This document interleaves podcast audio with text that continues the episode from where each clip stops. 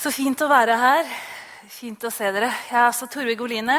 Og eh, selv om jeg ikke har vært mye i Misjonssalen, så har jeg god tilknytning til Misjonssambandet. Jeg er født på Haidom hospital i Tanzania og har eh, brukt mye barndom og barndomstid både der ute og i Misjonssambandet her hjemme. Så er det fint å få lov til å være i Misjonssalen. Og jeg beundrer jo dere som både først har vært på en gudstjeneste og så vil få med dere et seminar etterpå. Så det håper jeg skal bli til utbytte for dere.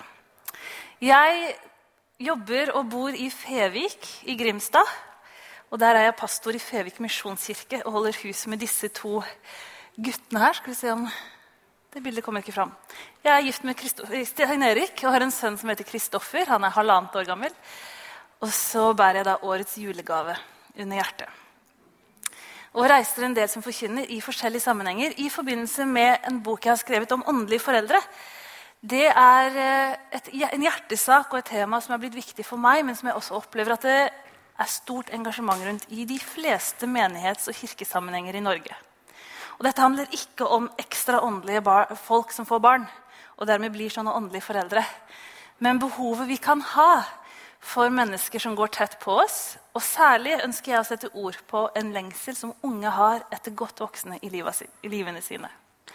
Og de ønsker å bruke begrepet åndelige foreldre på disse. Og det er noe av det jeg har lyst til å snakke om i formiddag. Noe av det som trigga i det hele tatt min entusiasme og interesse i tematikken, det var etter at jeg har vært bibelskolelærer i fem år rett nedi gata her i Filadelfia-kirka i Oslo. Jeg var bare 26, og jeg var den eneste kvinnelige læreren for gjengen som var hovedsakelig jenter og så noen gutter. Seks år eldre enn de så var jeg likevel en slags morsfigur for dem, og det stussa jeg over. Men det de satte ord på, var at de hadde så få det de tenkte på som voksne å snakke om troen med. Mange oppga at de syntes det var vanskelig å snakke med mor og far hjemme. Og så trengte de noen som bare hadde gått litt lenger enn dem selv, til å både snakke om liv og tro med. Og så viser det seg at en stor undersøkelse som ble gjort i USA for bare tre-fire år siden, der 13 000 unge respondenter ble spurt, så viser det seg at mellom 60 og 70% av de som har vandret barnesko og trådd kirka i ungdomsåra, velger bort menighetsliv når de blir store nok til å velge selv. Og Ofte skjer det i den sårbare livsfasen mellom 20 og 30-35 år. For mange skjer det når de kommer hit til Oslo man er kanskje fra et lite sted hvor man har vært aktiv i ungdomsarbeidet. Familien er med, flere generasjoner er involvert. Og så kommer man til storbyen med alle muligheter, men også alle adspredelser og forstyrrelser. Og så kan det hende at man kjenner at det er deilig å ikke være så veldig engasjert i begynnelsen. Og så kommer man jo til en by full av menigheter. Man kan rekke innom ganske mange steder på en søndag. Og så blir man kanskje bare hoppende fra sted til sted. Og så møter man akademia, og for noen så er det et sjokk å måtte stille kritiske spørsmål til en tro de kanskje ikke alltid har stilt spørsmålstegn ved selv. Og så viser det seg at mange i studenttilværelse og småbarnsfase og etableringsfase eh, velger bort menighetsliv. Og det er en übermoderne tanke at man kan være en kristen alene. Disse 13 000 unge som ble spurt hvorfor, hvorfor tror du du ikke lenger er aktiv, de sa at de syntes det var en stor kontrast mellom søndagsversjonen og hverdagsversjonen av foreldre og familie. Det var lite snakk om Jesus, det var lite bønn, det var få trosritualer hjemme. Og Dermed ble det en aktivitet mer enn det ble et liv. Andre påsto at eh, de voksne satt bare egne åndelige behov først, før barnas. Der tror jeg det har skjedd mye her i Norge i løpet av de siste 10-15 åra. Både på innhold og kvaliteten i forkynnelsen og opplegg for barn og unge. så det er Pedagogikk og trosopplæringsplaner det har fått en sterk plass. Så jeg tror vi gir barn og unge i dag veldig veldig mye godt. Det er likevel en kjensgjerning at ofte sitter vi voksne i den største salen med den beste lyden og de mest utdanna forkynnerne, mens barna forsvinner ned i en kjeller i et rom hvor frivillige gir de beste de har til barna. Men kanskje kan de kjenne på følelsen ikke alltid være i, i førersetet eller hovedsetet. På hvem som jo skal ta det viktigste valget for livet, ofte før de er 19 år. Noen foreldre syns det er veldig godt å kjøre barna til kirka, håpe at de får med seg noe bra, at de blir frelst og bevart.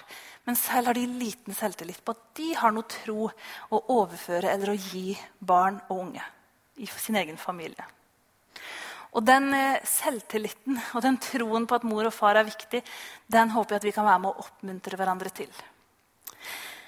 For hvis så mange velger bort troen Og nå tenker du kanskje at nå har hun sånne amerikanske tall, og alt er jo større i USA, er det ikke det? Men jeg tror sekulariseringa er kommet vel så langt her i Norge. Og det alvorlige i dette er tenk så mange unge vi har innom. På leirer, i ungdomsarbeid, i konfirmasjonsarbeid. Som jeg tror har, både er søkende og dermed har gode og oppriktige opplevelser med Gud. Mange tar noen valg for Jesus og tar dette alvorlig med tro. Nye undersøkelser viser at tenåringer i Norge i dag ønsker å kalle seg kristne. Og Kanskje er det i kontrast med at flere religioner har fått fotfeste i Norge. Men det er også en søken etter åndelighet og tro blant unge i dag. Og da er det jo fryktelig hvis man etter bare 10-15 år opplever at så mange ikke lenger er aktive i menighet, og dermed kanskje heller ikke har et trosliv eller en personlig relasjon til Jesus. Og da hjelper det ikke hvor store inngangsdører vi har til barne- og ungdomsarbeidet, hvis bakdøra er større. Og jeg har lurt på om vi som ikke er i situasjonen at vi har barn eller tenåringsbarn, som kan kjenne at den fasen er forbi, kanskje vi kunne vært noen sånn dørvakter. Kanskje kunne dere med grått hår som innrømmer at dere er godt voksne, kanskje kunne dere vært noen av de som tok imot spørsmåla, tvil, kav. Kanskje kunne en prat i din sofa ha hjulpet noen av disse unge i 20-30-årsfasen, sånn at de kunne fortsette å være kristne. Det viser seg nemlig at egentlig så har menigheten en begrensa plass i trosopplæringa av barn og unge. Og det er jo ikke så oppmuntrende for oss som jobber i menighet.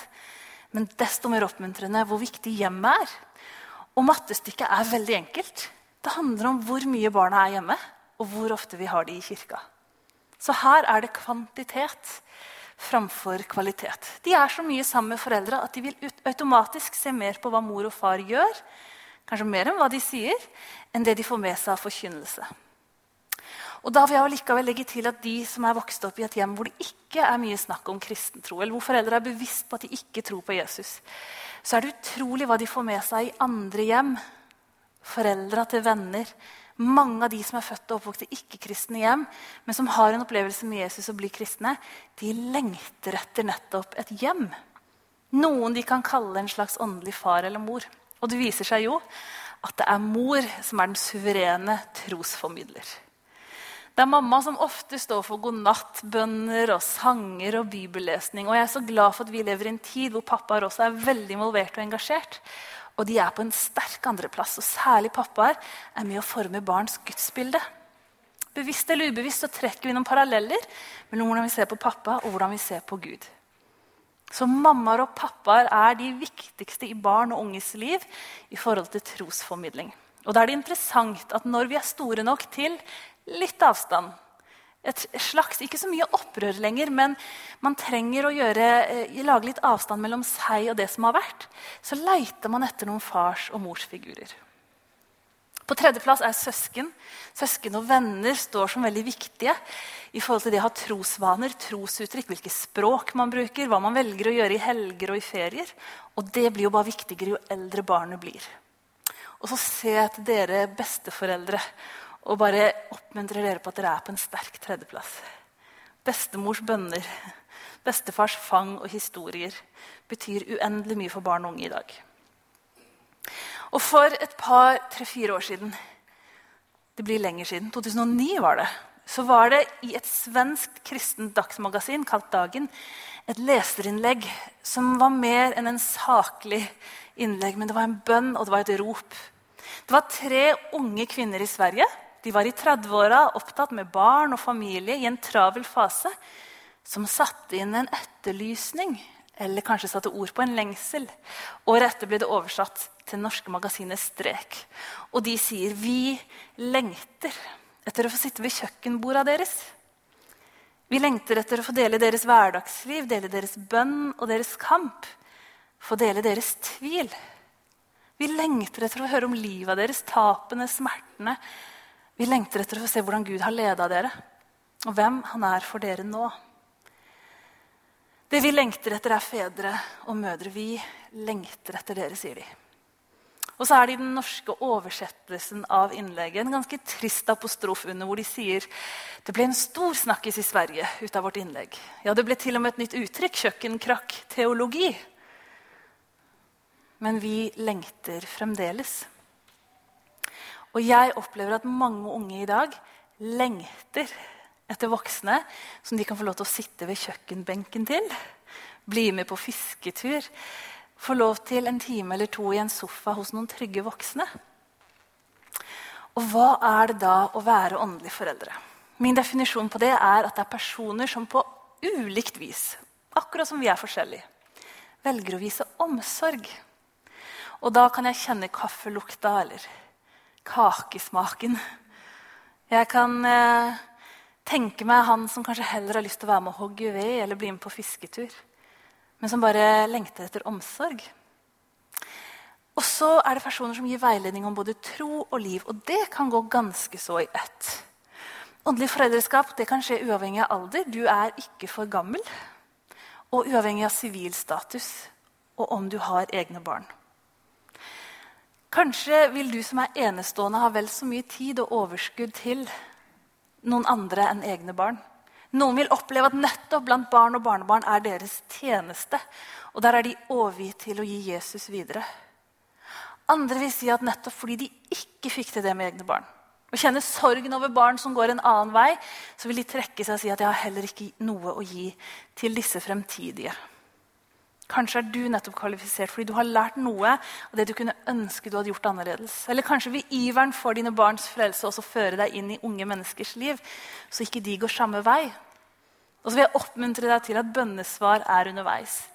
Og de Mors og fars bønner de varer ikke bare livet ut for mor og far, men livet ut for dette barnet. Og Gud kan være på gang uten at vi ser det. I forbindelse med denne boka har jeg fått lov til å lese en del forskning og vært eh, opptatt av hva er det som kjennetegner de unge som vokser opp i dag. Jeg intervjua nemlig ni unge mennesker. De var mellom 23 og 33 år og var bosatt her i Oslo. Og jeg spurte dem om dette med åndelige foreldre. Er det noe dere vil ha? Skal vi kalle det åndelige foreldre? Er det klamt? Hvordan skal dette se ut? Og det unisone ropet fra de Jeg skulle nesten ønske dere hadde hørt det og sett de når jeg snakka med de. Det var sånn åh ja, Tenk om jeg kunne hatt det. Tenk om noen i store Oslo kunne se lille meg. Og så er det påfallende hvor mange likhetstrekk det er mellom de unge som vokser opp i dag. Og selv om noe av det jeg sier gjelder tenåringer, så går det også ganske høyt opp i alder. Og unge mennesker i dag er utrolig relasjonsorienterte. De er veldig opptatt av vennene sine, glad i vennene sine. Men mer enn det, venner er også blitt et statussymbol. Og ikke bare er ensomheten noe å frykte i seg selv, men skammen over ikke å ha mange venner kan også være stor. De søker utover, og de er mye sammen med andre, både live men også mye på nett. Ja, kanskje mer og mer på nett og i en sosial medieverden som for mange godt voksne er veldig fremmed og litt skummel. Og det skal sies at det skjer mye i den virtuelle verden som voksne ikke har peiling på. Både på godt, men også på vondt. De er halvannen time mer hjemme i uka enn det jeg og mine jevnaldrende var når vi var tenåringer. De er utrolig glad i foreldra sine. Over 70% oppga for to år siden at de så på mamma og pappa som vennene sine her i Norge. Og like mange hadde et like hjertelig forhold til besteforeldrene sine. Og Jeg vet ikke hvordan du husker ungdomstida di, om den er fjern eller nær. Men mange vil jo huske at du skulle i hvert fall ikke bli som foreldra dine. At det lå liksom iboende i fasen at du skulle gjøre litt opprør. Gå med litt breiere eller videre buksebein, ha litt annen sveis og høre på musikk de ikke likte. Og Det store ungdomsopprøret som har kjennetegna de siste 60-70 åra, det sies nå å være borte. For tenåringer i dag er ikke i opprør mot det etablerte. Noen savner faktisk litt mer opprør og litt mer, at de tar litt avstand fra det som har vært. Men tenåringer i dag de vil gjerne bli som foreldra, og de vil gjerne være med foreldra. Så der du kanskje kan tenke som godt voksen at du husker disse eldre med knute i nakken som skulle gi så mye gode råd inn i livet ditt at du ble helt ut av øra fulle, der er ikke de unge i dag. Og de ønsker kontakt med deg der du kanskje kan trekke deg og tenke at de skal slippe å få være sammen med meg. De unge i dag kalles generasjonen lydig. De jobber utrolig hardt på skolen. Og dette gjelder særlig unge jenter i dag. De bruker utrolig mye tid på skolearbeid. Allerede i ungdomsskolealder har de sikta seg inn på et studie som gjør at de jobber hardt og målbevisst. Kontrasten er at hver fjerde videregående skoleelev faller ut av skolesystemet. For noen blir presset for stort, og kanskje er skolen blitt for akademisk i forhold til at ikke vi ikke tillater å heie fram mangfoldet. Mange jobber seg syke. Høye skuldre vondt i magen. Ja, For noen så går det så langt at de blir såkalt utbrente. Og det ligger altfor mange unge mennesker i mørke rom rundt om i Norge. Og betaler kanskje prisen for det jaget som unge mennesker generelt opplever i Norge i dag. Prosjektet er å bli perfekt.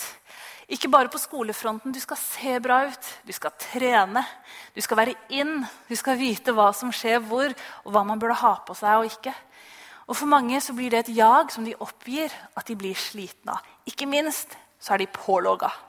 24-7 skal de helst ha denne mobilen i nærheten og vite hva som foregår. Og Mange oppgir at det går utover både nattesøvn og kvalitet på samvær. For man sitter oftere der enn der.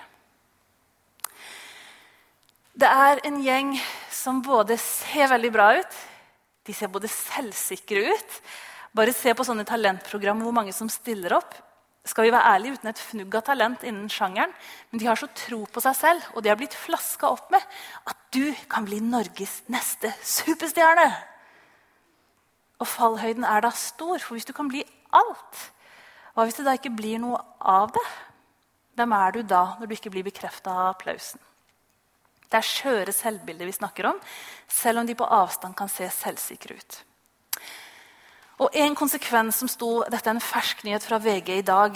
hvor Bent Høie går ut og er bekymra over antidepressiva, eller lykkepillebruken, blant unge norske jenter i dag. I løpet av de siste ti åra er det at antidepressiva og lykkepiller er skrevet ut til tenåringsjenter, økt med ca. 80% Og veldig mange unge tenåringsjenter får i dag tilbud om medisiner for å klare hverdagen. Og mange har oppgitt selv i en sånn intervjurunde som har vært de siste åra, at det de trengte, var en samtale. Det de ønska seg, var kanskje psykologhjelp til å bli sett. Og så får de tabletter. Ei jeg snakket med i forbindelse med boka, fortalte at de siste halvåret hadde mellom fem og ti av hennes studievenninner oppsøkt skolepsykologen. Et flott tilbud som er på mange studiesteder i Norge. Så sa hun men det de egentlig trengte og ønska seg, det var bare et voksent kristent menneske å snakke med, men de ante ikke hvor de skulle finne det. Og så må de gå til det profesjonelle istedenfor å finne de mellommenneskelige relasjonene for å komme seg gjennom. Og det de lengter etter, det er da voksne. Og jeg spurte disse ni hvem er det dere vil ha. Og han ene sa jo eldre, jo bedre. Hun andre jeg med, hun var så stolt. Hun hadde funnet det hun kalte åndelige besteforeldre. De var begge godt over 80, og de er så bra, sa hun, for de har faktisk tid til meg. En annen var konkret på at han skulle gjerne ha noen som var 50 pluss. Det var noe med modenheten, livserfaringa og avstanden i livssituasjonen som skapte trygghet. Og Derfor har jeg også sett litt på hva som kjennetegner de som jeg fornærmende nok har satt i samme bolk, nemlig 50 pluss, og kalt de eldre. Det er stor forskjell på en 50-åring og en 80-åring i Norge i dag. Det dere har til felles, er at dere er ønska. Men for å ta de eldste iblant oss i dag, så er det verdier som lojalitet og trofasthet, nøysomhet og dugnadsånd blant annet, som kan brukes for å betegne de eldste iblant oss i dag. Og de eldste blant oss blir stadig eldre. Du vet, Kong Harald skrev før håndskrevne telegrammer til alle som fylte 100 år i Norge. Og nå er disse ferdigtrykka, og så signerer han, for det er så mange i løpet av et år som blir 100 år. Og de er både friskere og raskere enn før og lever da lenger. Dette er den bedre generasjonen i det norske kirkelandskapet. Og Mange opplever at helsa svikter, og at de i mindre grad får være en del av menighetsfellesskapet men troen er levende så lenge helsa og hodet holder. Mange av disse har ganske dårlig selvtillit på at de har noe å gi andre. ganske usikre på at deres eh, livserfaring eller kvalifikasjoner har noe å si for de unge i dag.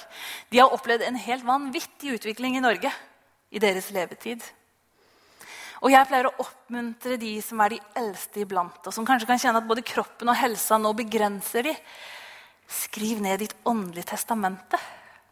Skriv det ned så barn, barnebarn og oldebarn kan få høre også lenge etter at du har gått hjem til Jesus, hva som har vært viktig for deg i livet ditt. De som er mye yngre, men som også er blant de eldre, 45-50 pluss, det er kanskje den, det segmentet som savnes aller inderligst i våre menighetssammenhenger i Norge i dag. Vi er i så mange kirkesamfunn og i så mange menigheter hvor de sier at det står noen tomme stoler, hvor de savner 45 og opp til 60 særlig. Og Det som kanskje er et kjennetegn blant de som er våre snart pensjonister, nyslåtte pensjonister er at de har aldri vært så friske og raske. De har aldri vært så rike, og de har aldri reist så mye som nå. Jeg tenker at Før så ble man pensjonist fordi helsa ikke holdt. Jobben ble for hard. og Det var liksom på tide å dra inn årene. I dag blir mange pensjonister for de har ikke tid til å jobbe. De har så mye annet de skulle gjort. Og så reiser de verden rundt og har et aktivt og rikt liv. Og det unner jeg de. Utfordringa er jo at disse som f.eks. tar vinteren i varmere strøk, etterlater seg to tomme stoler og også et savn. Noen har opplevd at de i sin glanstid fikk stå her. De hadde mikrofonen, de satt i komiteer, råd og styrer, og de var med å sette preg på forsamlinga. Og så var det plutselig de her småbarnsfamiliene som skulle i fokus. Og så var det helt andre folk som skulle få lov til å bestemme musikkstilen og lydnivået. Og så ble man degradert, kunne man føle. Først ned til første rad, og så kanskje bakerste rad. Og så er det mange som har reist på hytta og blitt der. Og for noen som et deilig fristed, for andre som en litt sår flukt. Men de ser ikke hvor stort savnet er etter dem i den kristne forsamlinga. I menighetene rundt om i Norge, for vi savner mødre og fedre. Og En som heter Steve Brunn, som jeg intervjua i boka mi, han er ganske hard i sin kritikk av jevnaldrende. Han sier mange i 50 pluss-generasjonen har endelig fått barna ut av huset. Og så bruker de tida på oppussing og reising. Jeg får lyst til å spørre de, Har dere virkelig brukt så mange år på å bygge kompetanse, så skal dere kaste det bort? En ting er menneskelig sett, men i menighetsperspektiv spør jeg meg hva har vi lært hverandre? Setter også vi kristne egne behov først? Det spør han. Og jeg vet at mange kjenner på en usikkerhet og dårlig selvtillit i møte med unge. Faktisk Den mest brukte unnskyldninga jeg får når jeg er rundt, de kommer opp til meg og sier men Torbjørg, jeg er så dårlig på data. Og så betrygger jeg de alltid med at vet du, jeg kjenner ikke en tenåring i Norge som ville funnet på å spørre deg om dataråd. Det spør de andre enn foreldre og besteforeldre om. Er det ikke ofte blitt motsatt?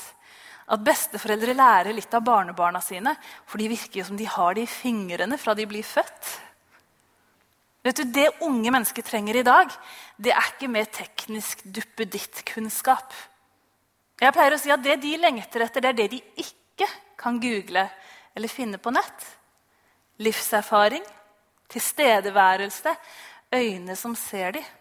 Så ikke la dårlig selvtillit pga. data hindre deg. Kanskje nettopp det at du kan lære av de, er en måte å ha en fin dynamikk i relasjonen på. Og så vet jeg, både som pastor, men også har reist mye rundt, at det å ha et felles samlingspunkt i løpet av uka kan være vanskelig. Altså Gudstjenesten klokka 11 på søndag den skal møte og favne så mange. Og Ofte sitter vi med veldig forskjellige preferanser og ønsker for den halvannen timen. Og Noe av det første vi støter på, er lyden. Hvorfor må det være så høyt? Eller hvorfor må de ungene bråke så mye? Og ikke bare lyd, men også stil, uttrykk og sjanger skiller oss. Og vi som sitter i samme rom og lever i samme hverdag, kan plutselig oppleve at vi nesten er fra forskjellige planeter når det kommer til sang og musikk i kristen sammenheng. Og det er både til stor frustrasjon og irritasjon både hos de unge og de eldre. Og jeg lurer på om ikke vi skulle vært litt sånn tøffe og radikale i våre sammenhenger og av og til laga samlinger helt frie for musikk. Og gjerne da, samlinger som ikke er prega av nakkefellesskap, men øyekontakt. Hvor vi fokuserte på det vi faktisk har felles, og det som binder oss sammen, nemlig Jesus.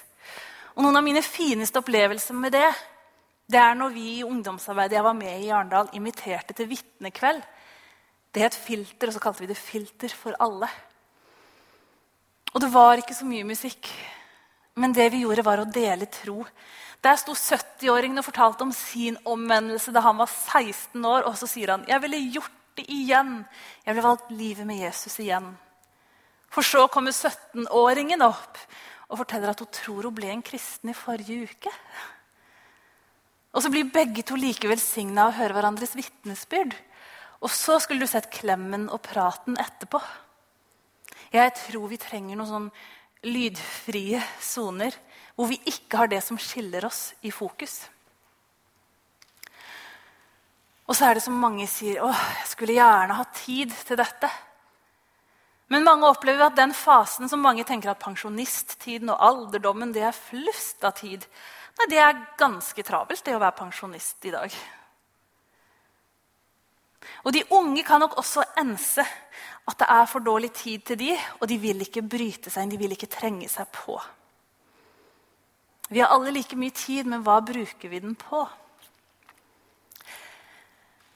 Noen sier vet du, 'jeg har det ikke i meg'. For det første så er dette begrepet åndelig mor det er altfor stort og kanskje litt klamt for meg. Og hør, Jeg har ingen ambisjoner om at det skal bli dørskiltet ditt. Her bor en åndelig far. Kom inn.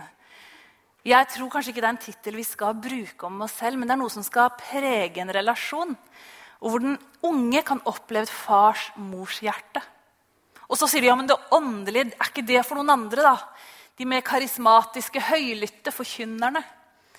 Og da liker jeg en definisjon på åndelighet som en teolog Alistair McGrath har laga. Han sier kristen åndelighet det er hva du gjør med det du tror på. Det handler om å dele livs- og troserfaringer og trosvaner. Og jeg liker at Paulus er mest stolt av sin svakhet. For han har oppdaga at Gud sa til han, 'Min nåde er nok for deg', for kraften fullendes i svakhet. Så ikke vent til du er perfekt. Og Det er en historie i Bibelen som oppmuntrer meg, og som jeg stadig finner nye fasetter i. De to umulige situasjonene som Gud kommer inn i. Den ene er hun som har vært i babyshower på babyshower, men aldri sin egen. Hun som fikk alle de morsomme kommentarene i begynnelsen om når hun og mannen skulle begynne å tenke på noe smått. Og Det var sårt nok, det, men det var kanskje verre når de slutta å spørre og slutta å forvente at de skulle få barn. I den tida og den kulturen var det en skam å være barnløs kvinne. Og Elisabeth og Zakaria kunne bare ha trukket seg og dratt på hytta. Holdt seg borte barnevognveldet og familiefellesskapet. Men, men Zakaria tjente trofast i tempelet. Og nettopp dette året var det han som skulle inn i det aller helligste. Og der, der møter han engelen Gabriel, som gir bud om at han skal bli far. Og ikke til hvem som helst, men til Johannes, døperen Johannes, forløperen og les Lukas alle løftene som er knytta til døperen Johannes. Blant annet står det om Johannes, som skulle bli født, at han skulle vende fedrenes hjerter til barna. Zakaria blir eh, stum, kanskje av sjokk, men også i at han argumenterte mot Gabriel. Men Elisabeth blir gravid, og det står at hun trekker seg tilbake og er alene de første tre månedene. Dette bønnesvaret kom jo altfor seint. Hun er for gammel. Kvinner i hennes alder får ikke barn. Hvem skal hun trille tur med? Hva vil folk si? Engelen Gabriel har høysesong, og litt senere så møter han en ung tenåringsjente. Også en umulig situasjon, for hun burde ikke bli gravid. Hun er bare forlova med Josef. Og hun får også høre at det skal komme en sønn. Ja, Guds sønn. Hun skal bære fram Jesus, som hun allerede fra da forstår at skal gi mye glede, men også volde hennes smerte. Og så er det så nydelig at eh, Gud da har omsorg for den unge tenåringen og sier vet du, din slektning Elisabeth er også med barn. Og det står da at bare noen dager seinere drar Maria av sted og skynder seg opp i fjellbygdene, til den byen i Juda hvor Zakaria bor. Der gikk hun inn til Elisabeth og hilste på henne. Da Elisabeth hørte Marias hilsen, så rørte barnet seg i hennes liv. Hun ble fylt av Den hellige ånd og sa med høy røst.: Velsignet er du blant kvinner, og velsignet er ditt livs frukt. Hvordan kan det gå til at min Herres mor kommer til meg? For da lyden av din hilsen nådde mitt øre, så hoppet barnet i meg av fryd. Og salig er hun som trodde at det Herren hadde sagt til henne, skulle gå i oppfyllelse. Det er egentlig en ung kvinne med et behov som kommer til en litt eldre kvinne for å få hjelp. Men så er det den eldre kvinnen som blir fylt med Den hellige ånd. Og så er det hun som først mottar velsignelsen av å få lov til å være til hjelp for den unge dama. Og hør, Kanskje du tenker at bønnesvaret ditt er altfor seint ute. Og Du kan se tilbake på drømmer og visjoner og det du kjente på som et kall da du var ung, og så tenker du men nå er det for seint for meg. Kanskje er det nettopp i møte med den unges behov at noe begynner å leve i deg. At det er du som opplever å bli fylt av Den hellige ånd, og så skal du få lov til å gå sammen med noen fordi du er kommet litt lenger. Selv om du også kan kjenne at du bærer på noe som er ufødt og ennå ikke ferdig i ditt eget liv. Men relasjonen viser det vakre i at den som er kommet litt lenger og er litt eldre, ikke ferdig, ikke på plass, kan allikevel være til berikelse for den unge og kanskje nettopp først bli fylt av Den hellige ånd selv. For Paulus sier som en trist diagnose på 2016 som om han kjente oss i dag, så sier han for om dere som kristne har tusen lærere, så har dere ikke mange fedre. I dag kan unge mennesker laste ned podkaster fra verden rundt. De kan reise på bibelskole verden rundt. Ja, Vi kan også reise på konferanser, leirer, stevner. Bare på en vanlig søndag i Oslo kan du få med deg ganske mye bra forkynnelse. Det fins tusenvis av lærerne som ønsker å forkynne Guds ord og påvirke oss godt i livet våre. Men spør jeg deg, så har du nok ikke tusen fedre. Og så trenger du ikke tusen, men du trenger nok én åndelig far eller mor. Paulus sier at det var jeg som ble deres far i Kristus Jesus da jeg ga dere evangeliet. Så sier jeg 'ha meg som forbilde'. Og Derfor var det jeg sendte Timoteus til dere, min kjære og trofaste sønn i troen på Herren. Han skal minne dere om min vei i Kristus Jesus, slik som jeg lærer overalt i alle menighetene. Paulus hadde selv, både som leder, menighetsplanter og forkynner, fått fram både fars og mors hjerte på vegne av Gud overfor disse menighetene. Men han hadde også en som han fikk lov til å følge tett, nemlig Timoteus.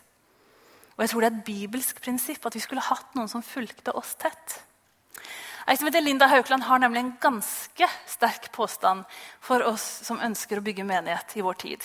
Nemlig at det bare kan gjøres med én motivasjon, nemlig å etablere noe for neste generasjon. Og det her treffer jo oss, konsumentene, forbrukerne, midt i magen. For vi veit jo hvordan vi vil ha det. Vi veit nøyaktig hvordan en god gudstjeneste for meg ser ut. Og Dessverre kan kirkekaffen ofte bli å trille terningkast eller si ja, nei, i dag så traff ikke talen meg noe særlig. Nei, det er jo ikke helt min stil, den sangen. Og så blir jeg den som bedømmer om det var en god eller dårlig gudstjeneste. Men, men kan jeg tenke at gudstjenesteliv, menighetsliv, faktisk handler om at neste generasjon skal få tak i Jesus? I Dommerne 2.10 står nemlig et av de tristeste versene i Bibelen.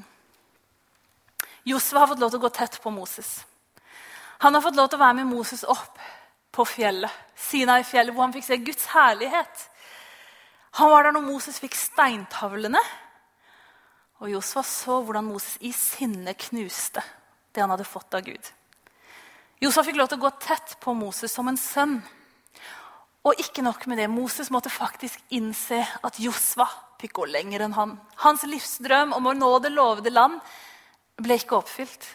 Og istedenfor å bli en bitter, gammel mann så velsigner han Josva inn i det som er hans fremtid.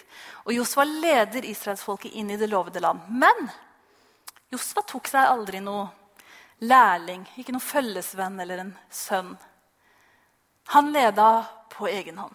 Og så står det da at snart gikk hele dette slektsleddet til sine fedre. Og etter dem vokste det opp en ny slekt som ikke kjente Herren, og ikke visste hva Herren hadde gjort for Israel. Og det er helt sjokkerende. Rødehavet har delt seg. Ildstøtte, skystøtte, manna fra himmelen. Det var bare to-tre generasjoner siden. Og så vokser det opp en hel generasjon som ikke vet hvem Herren er, og hva han har gjort for Israel. Vi har ikke råd til at en hel generasjon går glipp av hva Jesus har gjort for dem. Fordi fedrene og mødrene ikke har vært på sin post og overlevert stafettpinnen. Vi kan klage mye på sekulariseringa i Norge. og Hva lærer de på skolen nå til dags? og Det blitt så mye fælt de viser på TV. Og, men er det staten, skolen og media sitt ansvar å oppdra våre barn i troen på Jesus? Det er fedrene og mødrene som skulle gi videre Jesus, troen på han, forkynnelsen om evangeliet. Og da kan du jo spørre hvordan skal det skje? Hvordan skal vi møtes når vi er så forskjellige? Et løfte i det aller siste verset i Gamle Testamentet er at Gud sjøl skal vende fedrenes og mødrenes hjerter til barna og barnas hjerter til fedrene. Jeg tror at Dette er ikke nok et pliktprogram. Dette er ikke noe du burde, skulle ha gjort. Men hvis Gud får vende hjertet ditt, så tror jeg at kjærligheten gjør kreativ. Så vil du kanskje begynne å få et blikk for hun på 40, 50, 35 eller 20 som er yngre enn deg, og som du kan få lov til å bety noe for. Min opplevelse er at barnas hjerter står klare for fedrene. Og så er det mye å gå på. Unge mennesker i dag trenger også å bli lærevillige og åpne for å lære av mennesker som liker både en annen musikkstil, bruker et annet språk og har vokst opp i en annen tid. Men jeg syns jeg hører suget og ropet fra de unge klart. Og etterlysninga går ut. Hvor er fedrene? og mødrene. Han skal vende fedrenes og mødrenes hjerter til barna. Og Gud, jeg takker deg for at dine løfter står fast. Og Det står at de har fått sitt ja og amen i Jesus. Og Gud, du er ikke fortvila over tida vi lever i i dag. Du er ikke rådvill eller frustrert.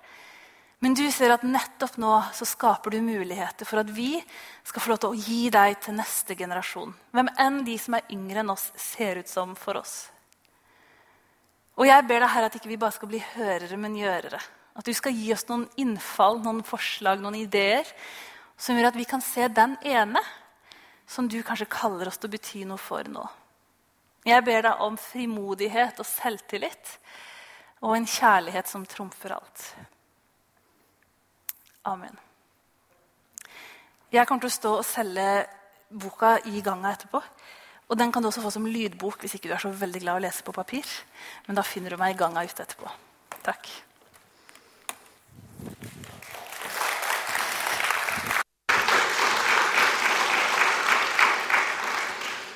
Ja, Torbjørg, dette var helt fantastisk. Tusen takk skal du ha. Veldig takknemlig for at du kom. Og håper at eh, mange vil kjøpe boka, og kanskje det er noen som vil hilse på deg og snakke litt med deg. Så er det vel åpent for det. Hjertelig takk til alle sammen.